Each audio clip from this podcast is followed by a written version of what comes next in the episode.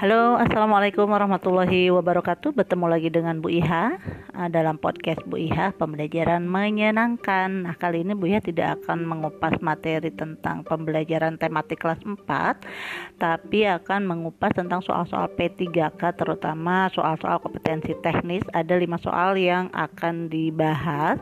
Kenapa Bu Iha bahas ini? Karena Bu Iha adalah salah satu peserta uh, tes P3K yang akan diselenggarakan bulan September nanti. Nah, untuk memudahkan Bu Iha untuk mempelajari materi-materi, uh, makanya Bu Iha merekam materi tersebut dalam uh, podcastnya.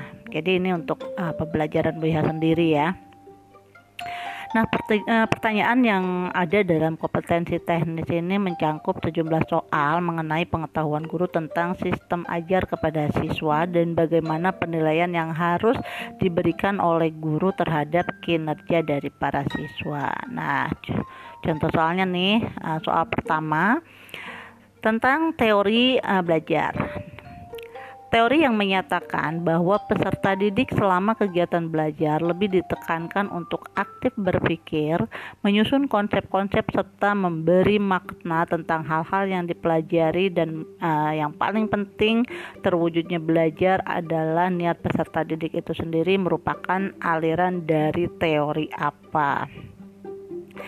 Nah, yang pertama uh, jawabannya teori belajar konstruktivis, B behavioristik, C humanistik, D cybernetik, dan E kognitivistik. Jawabannya adalah aliran dari teori belajar konstruktivis.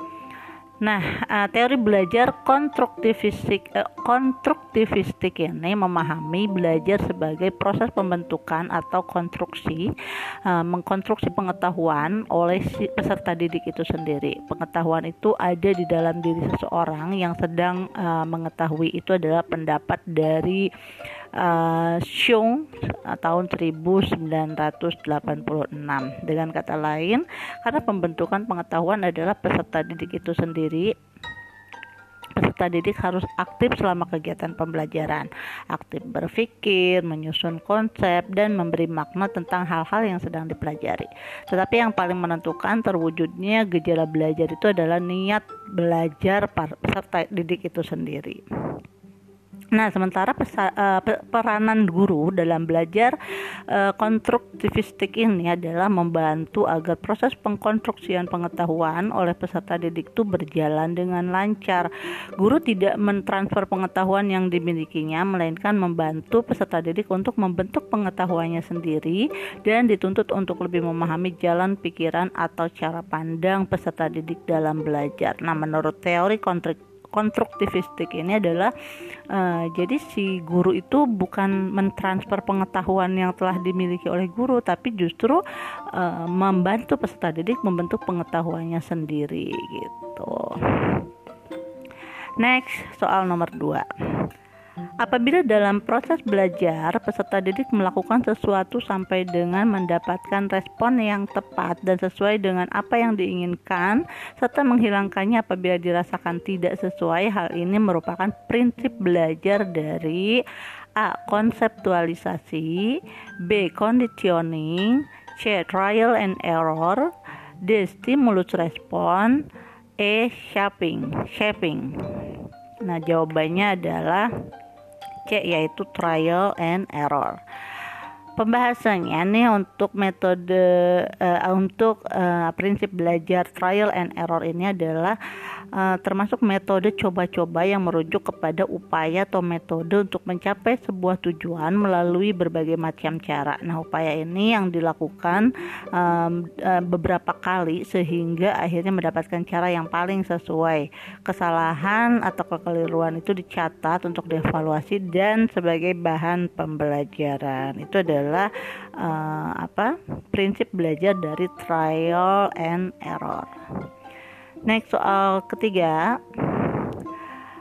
Peserta didik diminta untuk membuat dugaan pada populasi hewan langka yang semakin sedikit. Hal ini termasuk kegiatan untuk mengembangkan kecerdasan A. Visual spesial B. Verbal linguistik C. Naturalis D. Logis matematis, matem, matematis, C. Kinestetis. Nah, jawabannya adalah logis matematis. Kenapa jawabannya D? Ini ada uh, pembahasan tentang macam-macam kecerdasan. Yang pertama adalah kecerdasan visual spesial. Gemar bermain fajol dan pandai menggambar adalah beberapa tanda dari kecerdasan visual spesial. Anak-anak yang memiliki jenis kecerdasan majemuk ini memiliki kemampuan visualisasi yang sangat baik. Anak akan terlihat mudah untuk mengingat gambar, arah di peta, video, dan sebagainya. Anak juga lebih mudah untuk melihat suatu pola daripada teman-teman sebayanya. Ini adalah uh, macam kecerdasan visual spesial. Yang kedua, kecerdasan interpersonal. Apakah anak Anda selalu berhasil membina hubungan baik dengan orang sekitarnya dan pintar dalam berbicara dengan teman-temannya? Nah, bisa jadi anak Anda memiliki kecerdasan interpersonal. Jenis kecerdasan majemuk yang satu ini ditandai dengan kemampuan anak untuk mengerti dan berinteraksi dengan orang-orang di sekitarnya. Pintar berbicara dan mampu menjaga hubungan baik adalah salah satu ciri khas dari jenis kecerdasan anak ini. Nah, ini jenis kecerdasan yang kedua ya. Yang ketiga adalah kecerdasan naturalis.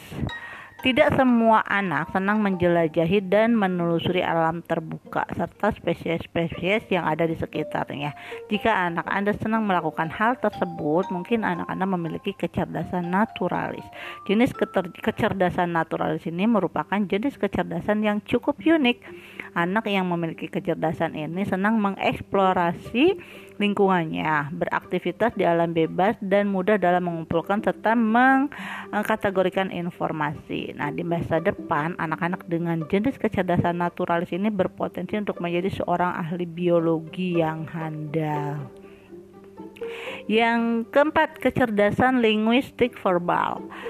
Menulis dan berbicara adalah dua hal yang digunakan untuk mengekspresikan diri. Dibutuhkan uh, suatu kemampuan khusus untuk mampu merangkai kata-kata dalam bentuk lisan maupun tertulis. Nah, anak dengan kecerdasan linguistik verbal memiliki kemampuan tersebut. Anak dapat menjelaskan suatu hal uh, dengan baik serta mampu memberikan pidato yang menarik hati. Kata-kata dan bahasa adalah senjata terkuat dari anak ini ya.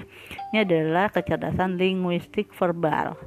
Yang kelima kecerdasan kinestetik. Kecerdasan kinestetik ini adalah diperlihatkan oleh anak yang atletis dan pandai menari adalah indikasi dari jenis kecerdasan kinestetik. Anak yang mempunyai kecerdasan kinestetik memiliki kemampuan fisik dan koordinasi yang baik. Olahragawan dan penari bukanlah satu-satunya profesi yang dapat dilakukan. Menjadi pemahat eh, dan aktor juga adalah jenis pekerjaan yang nantinya bisa digeluti oleh anak. Nah, jadi anak-anak yang uh, terindikasi memiliki kecerdasan kinestetik ini biasanya lebih aktif secara fisik ya uh, dan juga uh, koordinasi antara fisiknya itu baik gitu. Bisa dari dilihat dari uh, apa? aktivitas mereka ketika berolahraga atau menari. Selanjutnya kecerdasan intrapersonal. Nah, uh, untuk kecerdasan intrapersonal ini bisa terlihat nih apabila uh, seorang anak senang menganalisis ide-ide diri sendiri maupun hubungannya dengan orang lain. Hal tersebut merupakan salah satu ciri khas dari jenis kecerdasan intrapersonal.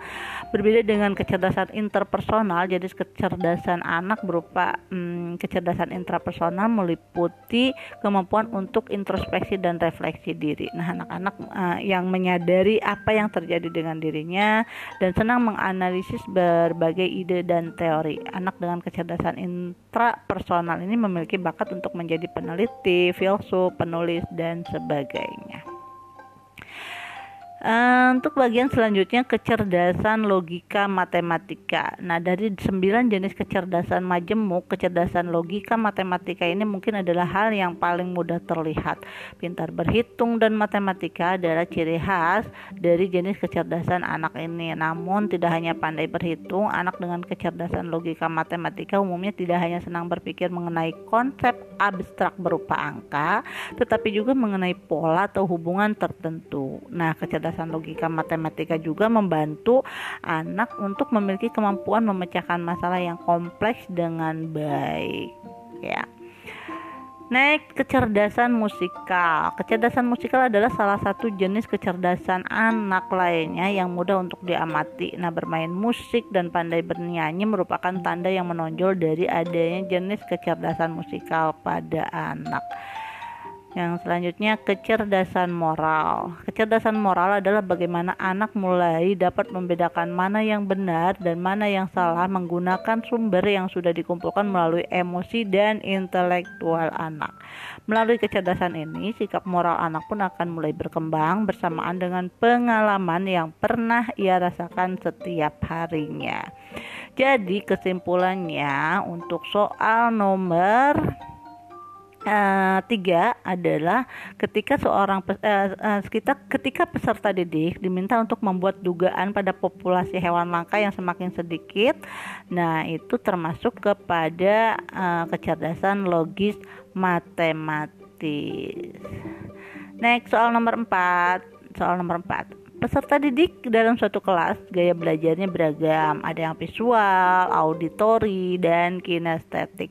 Namun kegiatan pembelajaran selama ini masih banyak yang konvensional klasikal. Agar dapat memenuhi ketiga gaya belajar tersebut, guru perlu A. menggunakan metode ceramah, diskusi dan tanya jawab, B. menggunakan media komik pembelajaran dan buku paket, C. Mm, program uh, menggunakan program audio dan modul, D. Menggunakan media audio, video, dan percobaan. D. Menggunakan modul dan PowerPoint. Nah, jawaban untuk gaya belajar uh, siswa yang beragam itu uh, adalah menggunakan media audio, video, dan percobaan. Ini untuk memfasilitasi gaya belajar visual, auditori, dan kinestetik. Nah untuk pembahasannya nih gaya belajar tentang gaya belajar ini dapat dikelompokkan menjadi tiga yaitu visual, auditif, dan kinestetik. Hal ini juga diungkapkan oleh Connell dalam Yaomi 2013 uh, halaman 123 yaitu visual learner learner Uh, pembelajar visual, uh, kemudian auditori pembelajar uh, auditori dan kinestetik uh, dan kinestetik. Pertama, um, peserta didik visual yaitu peserta didik yang belajarnya akan mudah dan baik jika uh, melalui visual atau penglihatan atau dengan perkataan lain modalitas penglihatan itu menjadi modal utama bagi peserta didik yang memiliki gaya belajar ini. Nah, peserta didik kelompok ini memiliki kesulitan jika pembelajaran dilakukan melalui presentasi verbal tanpa disertai gambar-gambar atau simbol visual. Peserta didik ini belajar, bergaya belajar, uh, peserta didik yang bergaya belajar visual memiliki kekuatan visual sehingga seorang pendidik ketika melakukan proses pembelajaran perlu menggunakan strategi pembelajaran dan media yang dapat mempermudah proses belajar mereka. Ya, misalnya guru melakukan proses pembelajaran dapat menggunakan media visual seperti gambar, poster, diagram, handout, PowerPoint, peta konsep, bagan, peta, film, video, multimedia, dan televisi. Di samping itu peserta didik dapat diajak untuk melakukan observasi, mengunjungi ke tempat-tempat seperti museum dan tempat-tempat peninggalan sejarah itu untuk yang peserta didik yang mempunyai gaya belajar visual. Untuk uh, yang kedua adalah peserta didik auditori di mana mereka itu akan mempelajari sesuatu dengan mudah dan sukses melalui pendengarannya.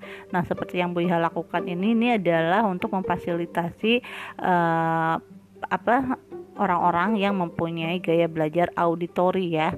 Uh, jadi melalui pendengaran saja. Alat indera pendengaran merupakan modal utama bagi peserta didik bergaya belajar ini. Peserta didik yang bergaya belajar auditori akan menyukai penyajian materi pembelajarannya melalui ceramah dan diskusi. Mereka juga memiliki kekuatan mendengar sangat baik, senang mendengarkan dan kemampuan lisannya yang sangat hebat, senang bercerita, mampu mengingat dengan baik materi yang didiskusikan, mengenal banyak lagu dan bahkan dapat menerikan secara cepat dan lengkap. Nah, uh, namun demikian peserta didik yang bertipe belajar auditori ini mudah kehilangan konsentrasi ketika ada suara-suara ribut di sekitar. Ini sepertinya kayak Bu Iha banget ya. Uh, saya itu belajar itu kalau ada suara ribut itu tidak konsentrasi. Jadi kalau belajar harus benar-benar fokus gitu ya dan tidak suka pada tugas membaca dan mereka tidak suka pada jumlah kelompok yang anggota ter, ada yang anggotanya terlalu besar. Oleh karena itu, pendidik dalam melakukan proses pembelajaran selain melakukan presentasi, ceramah juga dapat uh, menggunakan media rekaman seperti kaset audio. Peserta didik juga diajak untuk berpartisipasi dalam diskusi, kemudian upayakan suasana belajar yang jauh dari kebisingan atau keributan. Kemudian dapat menggunakan musik untuk mengerjakan suatu topik atau materi pembelajaran pelajaran tertentu. Nah, itu untuk gaya belajar auditori. Yang ketiga nih peserta didik dengan gaya belajar kinestetik adalah peserta didik yang melakukan aktivitas belajarnya secara fisik dengan banyak gerak gitu ya. Nah, tadi untuk soal uh, nomor 4, peserta didik dalam suatu kelas gaya belajarnya itu beragam, visual, auditory, dan kinestetik. Makanya guru itu harus uh, memenuhi ketiga gaya belajar tersebut dengan media pembelajaran audio, video, dan percobaan. Next, soal terakhir nih dalam pembahasan sekarang ini adalah soal nomor 5. Kegiatan pembelajaran yang diawali dengan pemberian rangsangan, mengidentifikasi masalah, melakukan pengumpulan data dan mengolah data sehingga mampu memberikan pembuktian dan menarik kesimpulan sesuai dengan pem model pembelajaran A. Problem based learning, inquiry learning, discovery learning, integrate learning, project based learning. Jawabannya adalah discovery learning ya. Uh, langkah sintak uh, langkah-langkah dari um, apa discovery learning ini adalah yang pertama itu adalah memberikan rangsangan atau stimulasi stimul stimulasi ya kemudian uh, pertanyaan identifikasi masalah kemudian mengumpulkan data kemudian mengolah data nomor kelima pembuktian atau verifikasi dan nomor keenam adalah menarik kesimpulan. Oke guys, ini untuk 5 soal pembahasan kompetensi teknis dari P3K 2021. Mudah-mudahan dengan membacakan soal seperti ini ini juga dapat membuat Bu Iha terus mengingat atau bisa memahami dari uh, materi-materi uh, yang akan disampaikan pada soal-soal tersebut. Oke guys, uh, itu saja mungkin kita lanjut lagi untuk soal-soal berikutnya. Uh, salam sehat, salam semangat, tetap bahagia. Assalamualaikum warahmatullahi wabarakatuh. Bye bye.